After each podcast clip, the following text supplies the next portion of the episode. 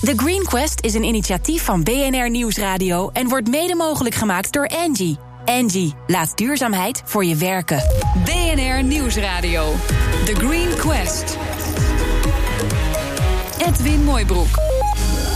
Hoe gaan we de klimaatdoelen van 2020 halen? We hebben alle hulp nodig die we kunnen vinden. En daarom zoeken we in de Green Quest naar innovaties met impact.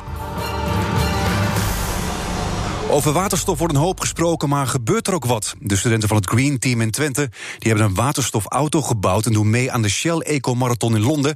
Studenten Marike Altena en Gidde Tuit het horen bij het team en ze zijn hier uh, in de studio. Ja, Marike, uh, jij studeert technische natuurkunde en Gidde, jij studeert uh, watermanagement. Moet je een topstudent zijn om hierbij te kunnen horen? nee, zeker niet eigenlijk. we willen eigenlijk ons studentteam zo uh, openbaar makelijk uh, als mogelijk. Dus iedereen kan meedoen eigenlijk? Ja, nou, uh, wij hebben op het moment hebben wij studenten van Saxion en van de Universiteit Twente erin zitten. En eigenlijk heel veel verschillende studies. Van technische geneeskunde tot industrieel ontwerpen. Eigenlijk iedereen zit er wel bij. Dus we willen eigenlijk dat ons studentteam de kans voor iedereen biedt om met dit soort onderwerpen bezig te zijn. Hoe ver zijn jullie met de voorbereidingen? Is de auto helemaal klaar? Uh, ja, we zitten momenteel in de productiefase van de auto. En uh, ja, begin april willen we de auto in principe klaar hebben. Want uh, de wedstrijd waar we echt aan mee willen doen is de Shell Eco Marathon. Die is begin juli. Dus je hebt maar, nog even ook? Ja, we hebben nog wel even de tijd. Maar we hebben als eerste harde deadline hebben we een oefenwedstrijd. En die is eind mei. En die is hier in Nederland in Os. Ik heb even op internet gekeken. Ik zie allemaal futuristische auto's. Hoe ziet hij eruit? Ja, uh, hij ziet er inderdaad wel iets uh, futuristischer uit uh, dan een normale auto. Maar echt, wij doen wel aan het deel van de race mee dat ook eigenlijk inzet op de normale consumentenauto. Dus een auto die je ook in de stad zou kunnen rijden. hier moeten wij een bepaalde regels voor doen. We hebben ruitwissen nodig, we hebben bepaalde verlichting nodig. Dus, maar wat is futuristisch? Je zei, hij ziet er een beetje futuristisch uit. Wat is er futuristisch aan dan? Nou, hij is eigenlijk zo aerodynamisch mogelijk gemaakt. Dus, dat je zo snel mogelijk kan. Ja, en dat je zo min uh, mogelijk energie gebruikt. Zo min mogelijk luchtweerstand ook hebt, inderdaad. Dus uh, wat dat betreft ziet hij natuurlijk wel iets anders uit uh, dan de meeste consumentenauto's. Je hebt natuurlijk ook, nou ja, je hebt twee deuren en je hebt nog niet echt een achterklep. Je hebt niet echt twee achterdeuren. Het ziet er net wat anders uit dan een normale auto. Maar uiteindelijk zou je er wel mee gewoon de weg op moeten kunnen. Ja, uiteindelijk Dat is de bedoeling.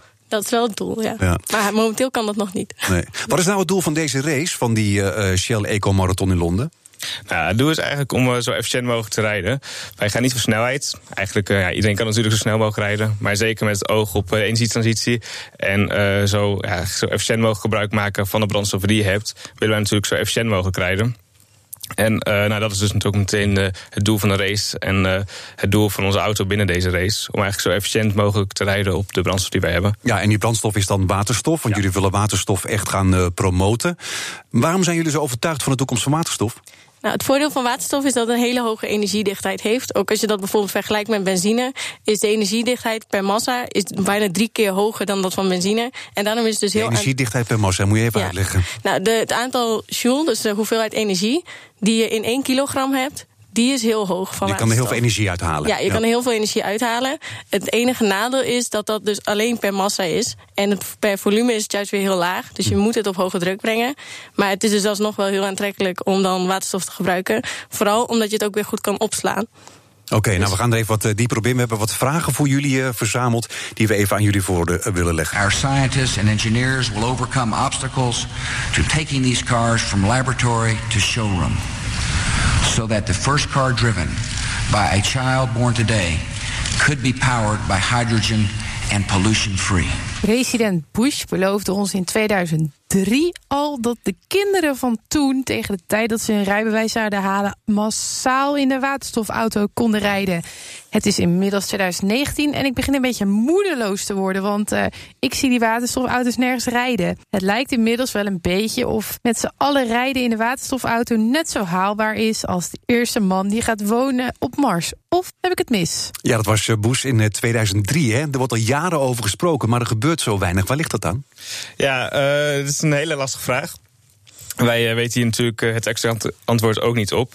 Maar we hebben wel wat dingen waarvan we denken waar het aan kan liggen. Nou ja, je, kent natuurlijk wel de auto's die rijden op accu's. Deze zie je wel echt overal rijden. En deze hebben natuurlijk ook een iets grotere groei doorgemaakt. Dit is nou natuurlijk mede doordat eigenlijk de infrastructuur, het stroomnetwerk, dat was al ja, zo goed als klaar voor de opkomst van deze auto's. Het was gewoon heel makkelijk om een laadpaal neer te zetten en om je elektrische auto daarop aan op te laden. Uh, zeker voor waterstofgas. Uh, nou ja, het punt is ook, uh, mensen zijn niet heel bekend mee. En mensen die er wel bekend mee zijn, die hebben over het algemeen. nou ja, er zijn wat vooroordelen over waterstof, bijvoorbeeld op het gebied van veiligheid. Mm -hmm. Waardoor. Komen we zo meteen nog op. Ja. Daar komen we inderdaad zo meteen nog op. Maar. Um, zeker uh, ook op dat punt, omdat het wat onbekender is, zijn uh, mensen misschien ook wat uh, geneigd om er minder snel eigenlijk mee in zee te willen gaan. Dus dan is de stap naar elektrische auto toch iets sneller gemaakt. Ja, je zei het al, elektrische auto's is eigenlijk ook makkelijk. Als je het ook vergelijkt, hè. er rijden ruim 47.000 volledig elektrische auto's rond in Nederland. 97.000 plug-in hybrides. En er zijn 60 waterstofauto's. Dan wist ik het wel, toch? Ja, er zijn ook nog inderdaad uh, hele grote stappen te maken. Alleen, uh, ja, wij geloven zeker in waterstof. Uh, wij denken dat het heel veel potentie heeft. Het punt bij waterstof eigenlijk het grote voordeel is, het is heel licht. Dus ook zeker voor bijvoorbeeld zwaardere voertuigen, zoals vrachtverkeer, zoals bussen is uh, waterstof eigenlijk gewoon een hele goede oplossing. En uh, daarnaast zouden we natuurlijk ook heel graag zien dat er meer onderzoek en meer geld uh, wordt gestoken in eigenlijk het ontwikkelen van de waterstof.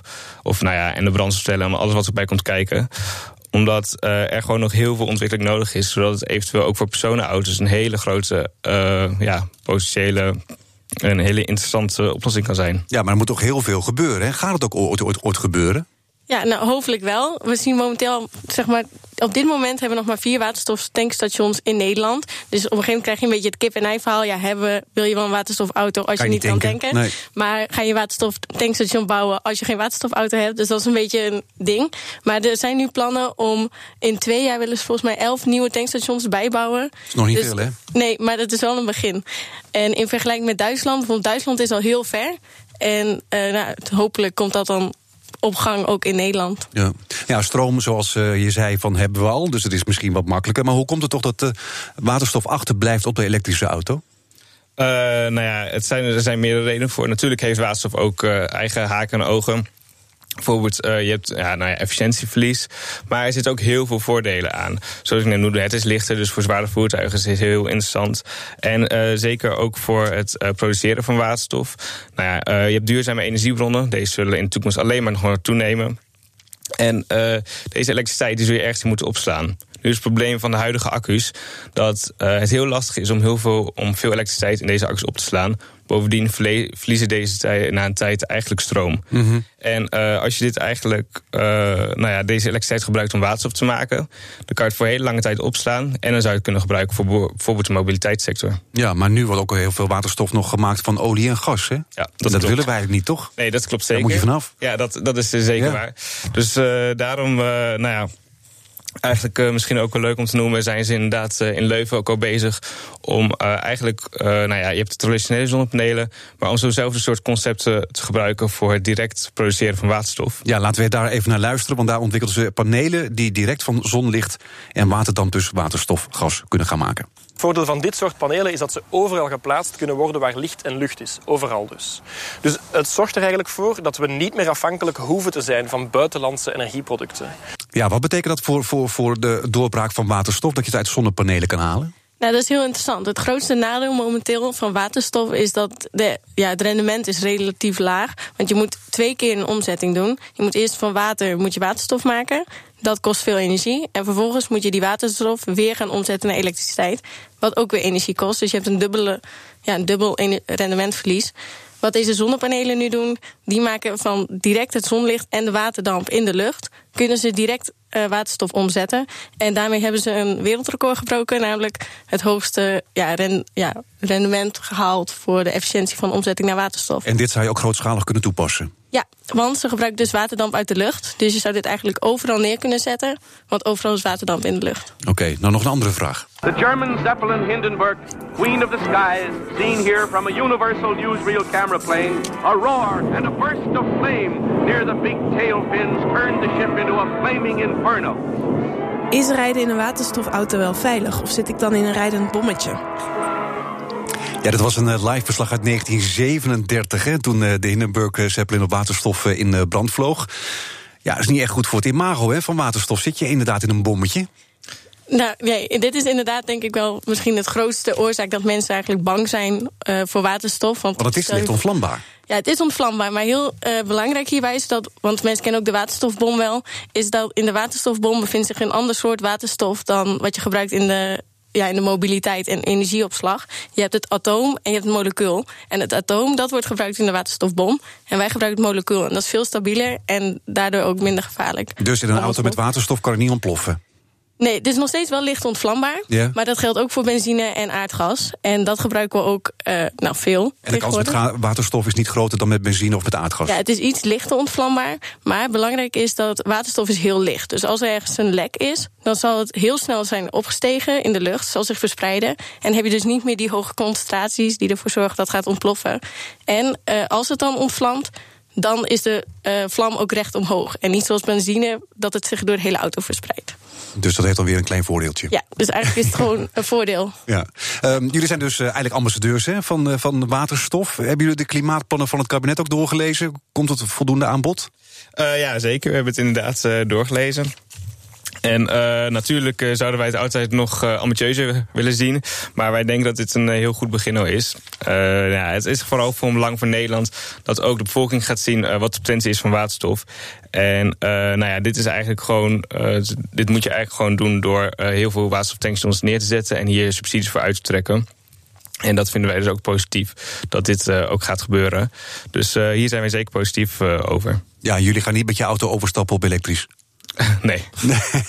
Want uh, jullie gaan dus inderdaad meedoen met die race in Londen voor de Shell Eco Race. Wat is jullie tactiek om te winnen? Uh, nou, we zijn gewoon bezig met het efficiëntst mogelijke auto bouwen. Vorig jaar uh, is de eerste opzet van deze auto gebouwd. Ze hebben als uh, ja, grootste project dat jaar hebben ze de body van de auto gemaakt, dus Tom Hulsel. Nou, die is nu volledig geoptimaliseerd. En toen hebben wij dit jaar ons kunnen focussen op eigenlijk de hele inhoud van de auto. En die zo goed mogelijk geoptimaliseerd dat we daarmee denken de race te winnen en de ja? efficiëntste auto te hebben. Jullie gaan winnen, maken een goede kans? Dat is wel het doel. Dat is wel het doel, zeker. Ja. Oké, okay, nou heel veel uh, succes. Dankjewel uh, Gidde Tuitert en Marika Altena van het Green Team aan de TU Twente. Ja, we, hebben net alles gehoord over het grote voordeel van waterstof voor zwavelvoer. En nu is het aan de oprichter van Scone Energy om ons te overtuigen van het gebruik van batterijen voor schepen. BNR Nieuwsradio. The Green Quest. Ons Green Team kiest uit alle aanmeldingen 40 bedrijven die volgens hen een positieve impact maken. En die bedrijven komen één voor één in de uitzending over hun innovatie vertellen. In juli kiest het Green Team de winnaar van de Green Quest Award. En zo klinkt de nieuwe aanvulling aan de Green Gallery. De maritieme sector is behoefte aan verduurzaming. Allereerst omdat 90% van transport over zee gaat. Verduurzaming gaat als volgt in zijn werk. Een schip komt aan in de haven. En dan krijgt hij een accupakket aan boord geladen... die zojuist op land is opgeladen door groene stroom. Daarmee gaat hij de zee op, naar de haven van bestemming elektrisch varen.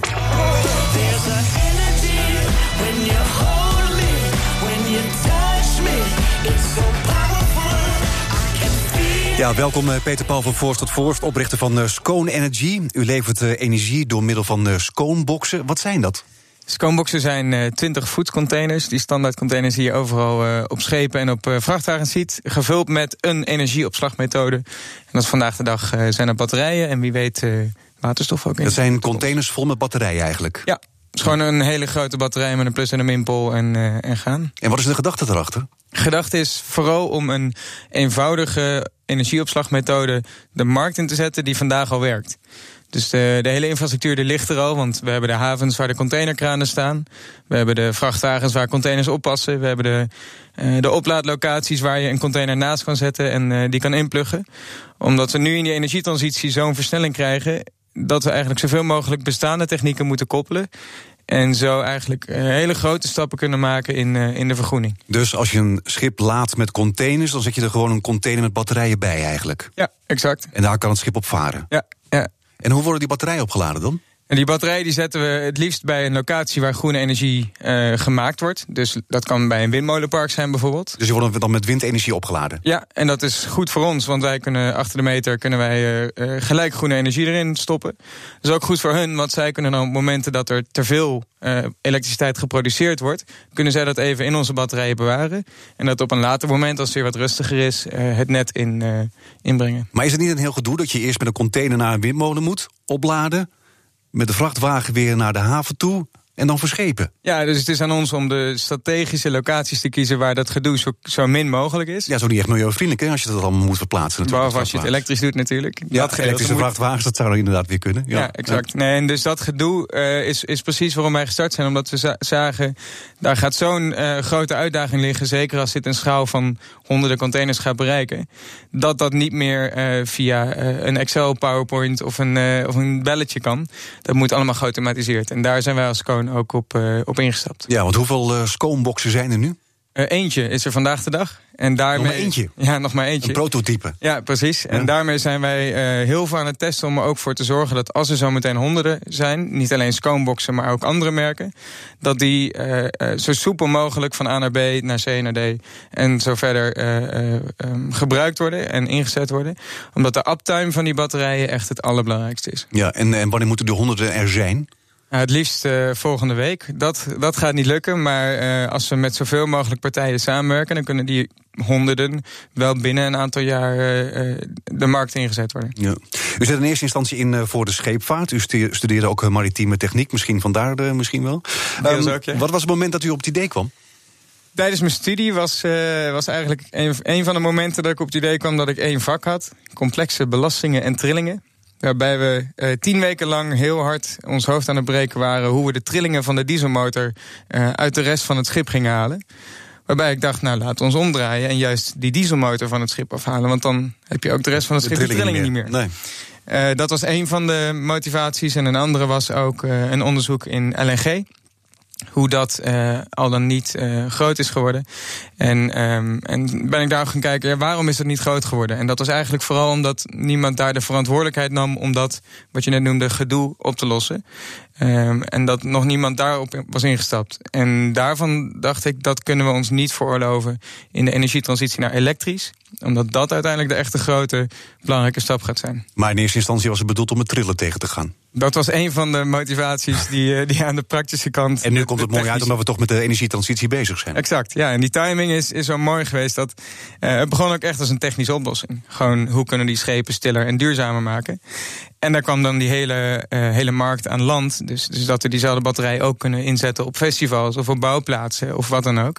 Uh, die kwam er eigenlijk bij omdat we, uh, omdat we wilden gaan kijken hoe kunnen we het ook een economisch kloppend verhaal maken. Want met schepen alleen lukt het niet? Nee. Met schepen alleen lukt het niet, omdat uh, het gebruik van diesel zo goedkoop is. Dat doen we zo efficiënt. Uh, en en nou, laten we niet beginnen over, de, over het verhaal van de accijnsen. Maar um, het gebeurt zo efficiënt. En uiteindelijk is dat onze concurrent. Dat wij aan onze kant met nieuwe uh, oplossingen ook ongelooflijk efficiënt moeten werken. Mm -hmm. Om die kosten zo laag mogelijk te houden. En daarom zijn jullie dus ook op zoek naar andere toepassingen, zoals festivals. Exact. Dat je ook die containers met batterijen kunnen gebruiken ja, voor, ja, voor de dus eigenlijk overal een land waar vandaag de dag een dieselgenerator staat daar zie je over een paar jaar een scoombox. Ja. Maar die schepen die zijn gigantisch. Hè? Die kan je toch niet opeens zo'n containertje laten varen? Nee. Daarom hebben we er ook honderden nodig. Je kan op voor, één één varen. Nee, ja, afhankelijk van hoe groot het schip. Als je naar China wil gaan varen op een groot uh, Maersk-schip... Dan, uh, dan heb je er wel een paar honderd nodig om China te, te, halen. Maar we kunnen in principe gewoon met één box varen. Maar dan ben je na 6 tot 12 uur met de technologie van vandaag lig je stil. En dan moet je dieselmotortje weer aanswingelen. Precies. Dus die kan je er niet uitslopen. Die kan je er nog niet uitslopen. Um, dus het eerste gewin is al dat we de uitstoot kunnen timen. Dus dat je in steden je dieselmotor uit kan zetten. En in gebieden waar wat minder Open mensen zee, wonen. ja. Open zee, precies. Uh, dat, je daar, um, dat je daar je batterij of kan bijladen. Uh, of dat je daar gewoon uh, op je diesel vaart. Dus je kan op deze manier vooral milieuvriendelijk zijn als je bij de havens in de buurt bent. Dat, dat is een eerste mooie grote stap. Uh, omdat naast de CO2-uitstoot, wat een globale uitstoot is, heb je natuurlijk ook de lokale uitstoot. Dus als de NOxen, de SOxen, de, de fijnstof. Uh, en daar hebben we in onze steden al, uh, al zoveel uitdagingen mee. Dat, dat dat een eerste mooie stap is die we weer mee kunnen realiseren. Maar zou het uiteindelijk mogelijk kunnen zijn om met zo'n container met batterijen naar China te varen? Ja. Ja? Ja. Maar dan moet je hem zou... helemaal, helemaal vol bouwen met containers. Nee, dat zou dus niet een container met batterijen zijn. Maar dat zou een container zijn met een andere energiedrager... die uh, een, een hogere energiedichtheid heeft. Dus een hogere capaciteit. En uiteindelijk uh, ja, gaan we daar wel naartoe. We gaan toe naar modulaire uh, concepten die uh, niet alleen waterstof zijn, niet alleen uh, batterijen zijn, maar die, dat we elke keer kijken, jij hebt een energievraag, je hebt die zo lang nodig en jij gaat hem daar weer af, af, afgeven. Nou, dan kunnen we jou dit energieconcept meegeven. Ja. U heeft al een samenwerking met Demis Shipyard, niet de kleinste, hè? Zeker niet. Hoe daaraan gekomen? Uh, daarom is, is, is een hele uh, grote scheepsbouwer natuurlijk... die, die ook heel veel uh, um, scheepsconcepten de markt inzetten... die ook vaak bijvoorbeeld in stedelijke gebieden zijn. En zo via via zijn we in contact gekomen... omdat we zagen dat daar een synergie lag... dat overal waar zij een schip gaan leveren... dat ze daarmee een energieconcept ook kunnen leveren... die, um, die ook de rest van de stad eigenlijk groener maakt. En zij gebruiken het ook al? we zijn nu met een aantal projecten met hun bezig, ja. Zoals elke week hebben we ook een vraag van ons eigen Green Team. Uh, in dit geval is dat uh, Marleen Prins, HR-officer van Engie. Goede ontwikkeling. Ik zie dat ook in de markt. Uh, steeds meer partijen komen met oplossingen voor batterijopslag of energienetwerken. Hoe blijven jullie deze concurrentie voor? Ja, eigenlijk de twee aspecten in die vraag. Hè. hoe blijf je de concurrentie voor? Ja, de vraag is, wie is onze concurrent? Is dat, is dat de eigenaar van een batterij? Want dat is... Ja, batterijen gaan steeds langer mee natuurlijk ook. Precies, ja. En dat is voor ons juist goed. Want wat ons platform juist levert... is al die tools om jouw batterij een zo hoog mogelijke uptime te geven. Dus eigenlijk, eh, waar wij nu met Sconeboxen werken... Uh, is elke batterij-eigenaar gebaat bij dat ons platform... Uh, zo hard mogelijk groeit. Want daarmee kunnen zij hun batterij ook binnen ons platform... en binnen ons netwerk gaan aanbieden. En een beetje het Airbnb-concept. Heb je hem zelf niet nodig, dan gebruiken die tool om er toch extra geld mee te verdienen. Dus bedrijven die batterijen ontwikkelen die langer meegaan, dat is alleen maar in jullie voordeel? Ja. Want daar kunnen jullie dan mee samenwerken? Ja, precies. Ja. En wat als het nu toch waterstof wordt? Uh, dat, is, dat maakt ook niet uit. Het, het, platform is een netwerk van energiedragers. En eh, die energiedrager van vandaag, waarmee we die markten, dus maritiem, uh, de, de tijdelijke toepassing op land en die netbalancering kunnen doen, die combinatie is vandaag de dag het makkelijkst te doen met batterijen. Maar uiteindelijk zullen we voor alle markten ook kijken... wat is voor jullie de beste energiedrager... om zo kostenefficiënt mogelijk toch die energietransitie mee te gaan doen. Ja, want jullie willen uiteindelijk een soort van Airbnb worden hè, voor de energie, las ik Zo zou je het kunnen noemen, Maar hoe zie je dat dan voor je? dat jij als, als eindgebruiker, uh, jij laat weten op ons platform... nou, ik heb dan die energievraag. En ik ga van uh, A naar B varen of ik ga op zee ga ik een festival organiseren. En dat aan de andere kant zit daar een batterij of een waterstof... of een andere energiedrager eigenaar. Die merkt, ja, ik heb met mijn resources niet die toegang tot de markt. En uh, ik heb eigenlijk ook helemaal geen zin om die hele logistiek op te gaan lossen. Dus bied ik mijn energiedrager aan in het Scone-platform. En dat Scone-platform zorgt er dan voor dat die hele logistiek die nodig is om jullie te koppelen als eigenaar en als gebruiker, dat die geautomatiseerd wordt. En dat ook het hele datamanagement eromheen, dat jij altijd inzicht houdt in je gebruik, dat uh, de eigenaar altijd inzicht houdt in de status van zijn energiedrager. En dat je zo zorgt dat, dat iedereen eigenlijk uh, uh, op de hoogte is van wat ze moeten weten. En zo werk je samen met de concurrentie of schakel je de concurrentie ook uit? We schakelen ze zeker niet uit, want we hebben nu heel erg baat bij hele grote schaal. En ook iedereen die nu in deze markt bezig is, die kent elkaar, die werkt goed met elkaar samen. Uh, omdat we weten, als we nu uh, onze tijd gaan steken in proberen elkaar te concurreren, dan gaat het echt ten koste van die snelheid van de energietransitie. En die markt is zo groot, die kunnen we met z'n allen de komende jaren nog niet vullen. Nee, en uh, geen belemmeringen door wetgeving, door die Airbnb, Airbnb te worden? Uh, het, is, het is een uitdaging om, om een deelconcept de markt in te zetten. En, en zeker inderdaad, als, je, um, als je zo die hele verschillende markten met hele verschillende certificeringsstructuren aan elkaar koppelt. Daarom nemen wij ook die maritieme markt als basis. Want we zien dat over het algemeen daar de eisen het strengste zijn. En dat schepen de hoogste eisen stellen, omdat dat natuurlijk een schip is. En daar kan je niet even vanaf stappen. Als en als je daar hebt geregeld, dan heb je het eigenlijk voor alles geregeld. Exact. Oké. Okay. Dankjewel, uh, Peter Paul van Forst tot Forst van uh, Scone Energy. Wil je onze zoektocht naar de meest duurzame innovaties op de voet volgen? Luister dan elke week naar de Green Quest en bekijk ook de Green Gallery op ons platform thegreenquest.nl. En de uitzendingen zijn ook terug te luisteren via de BNR-app en bnr.nl of als podcast in iTunes en Spotify. En hey, Doe het duurzaam. The Green Quest is een initiatief van BNR Nieuwsradio en wordt mede mogelijk gemaakt door Angie. Angie, laat duurzaamheid voor je werken.